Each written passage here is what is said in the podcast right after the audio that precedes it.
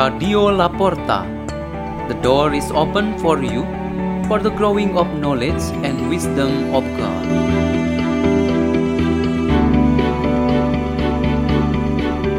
By Joseph Situwali, lay minister of St. John Bosco Church, Jakarta, Indonesia.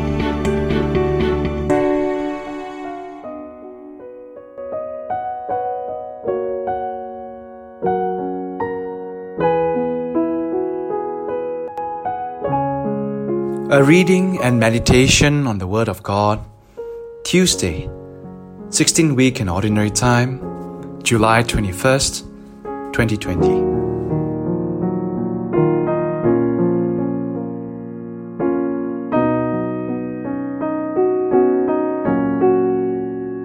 The reading is taken from the Holy Gospel according to Matthew. While Jesus was speaking to the crowds, his mother and his brothers appeared outside, wishing to speak with him. Someone told him, Your mother and your brothers are standing outside, asking to speak with you. But he said in reply to the one who told him, Who is my mother? Who are my brothers? And stretching out his hand towards his disciples, he said, Here are my mother and my brothers. For whoever does the will of my heavenly Father is my brother and sister and mother. The Gospel of the Lord.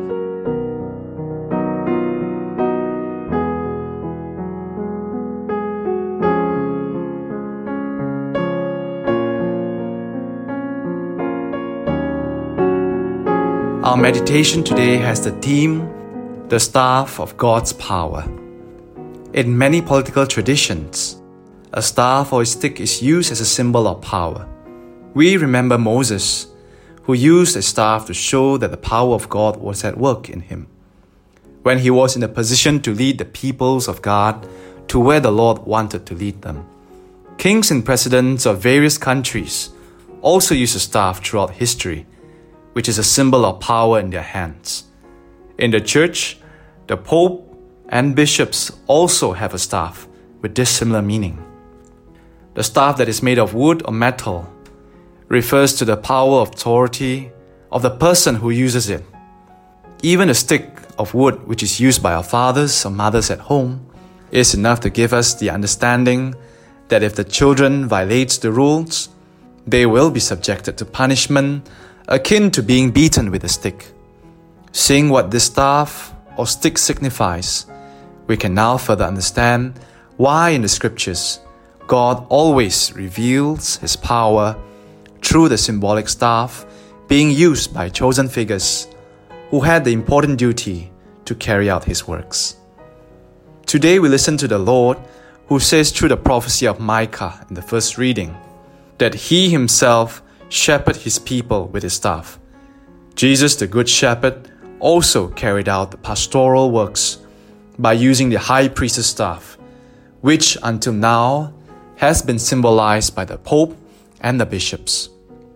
With the staff, the duty as leader and shepherd have its legitimacy and strength to demand obedience or reliance from people who are subjected to it. The staff of God has its powerful function in the purification and deliverance of men and women to deliver believers from the powers of darkness and sin. Satan, the ruler of darkness, when confronted with this power of God that is symbolized by the staff, will fall trembling and fearful. That was evident in every action of Jesus, who was always present through his words and deeds, which instantly frightened Satan. And Satan would carry on to ask not to be tortured further. Such is the role of the staff of God, that is to cast out all our sins and to be thrown into the sea, says the prophet Micah. As such, we must look at the staff when it is shown to us in such a manner like it is being held by the person in power. It is made as a support when we stand, or when it is used to emphasize on something in a teaching activity.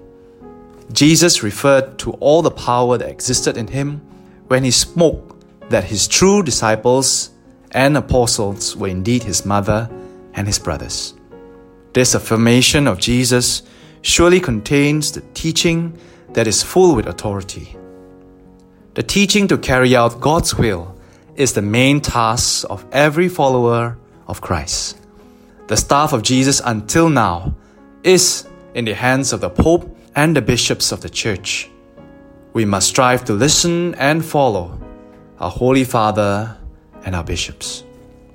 Let us now pray. In the name of the Father, and of the Son, and of the Holy Spirit. Amen. O Lord, may our fidelity and obedience to the Church always be strong and lasting, especially through our obedience to our Father and our bishops. Glory be to the Father, and to the Son, and to the Holy Spirit, as it was in the beginning, it is now, and ever shall be, a world without end. Amen. In the name of the Father, and of the Son, and of the Holy Spirit. Amen. Radio La Porta. The door is open for you.